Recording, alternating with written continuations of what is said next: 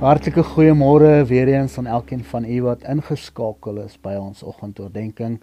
Verlede Sondag het ons gesels in ons gemeente oor Bethesda. Kom ons lees wat sê Johannes hoofstuk 5 vers 1 tot 4.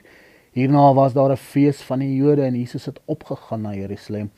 En daar is in Jerusalem by die Skaapspoort 'n pad met 5 pilaargange wat in Hebreëus Bethesda genoem word. Daarin het 'n groot menigte siekes gelê blindes en krepeles en lammes wat op die roering van die water gewag het. Want 'n engel het op 'n bepaalde tyd in die bad neergedaal en die water geroer. Die een wat dan eerste ingegaan het na die roering van die water, het gesond geword aan watter siekte hy ook al gely het.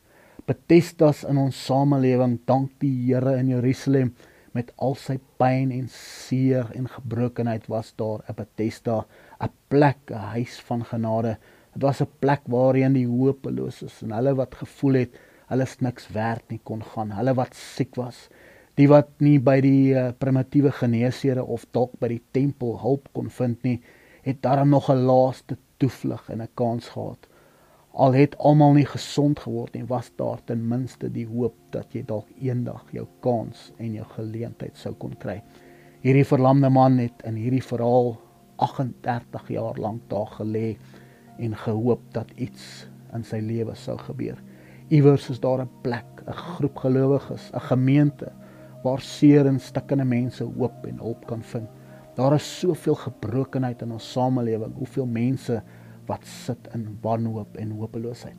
Dis waarom ek altyd vir mense sê dis so belangrik vir u en vir my as Christen as kerkganger om saam te kom want dit is by die samekoms van die gelowiges waar ons bedien word, waar ons bemoedig word, waar ons gestig word en waar genesing ook kan plaasvind. Dis waar Jesus is.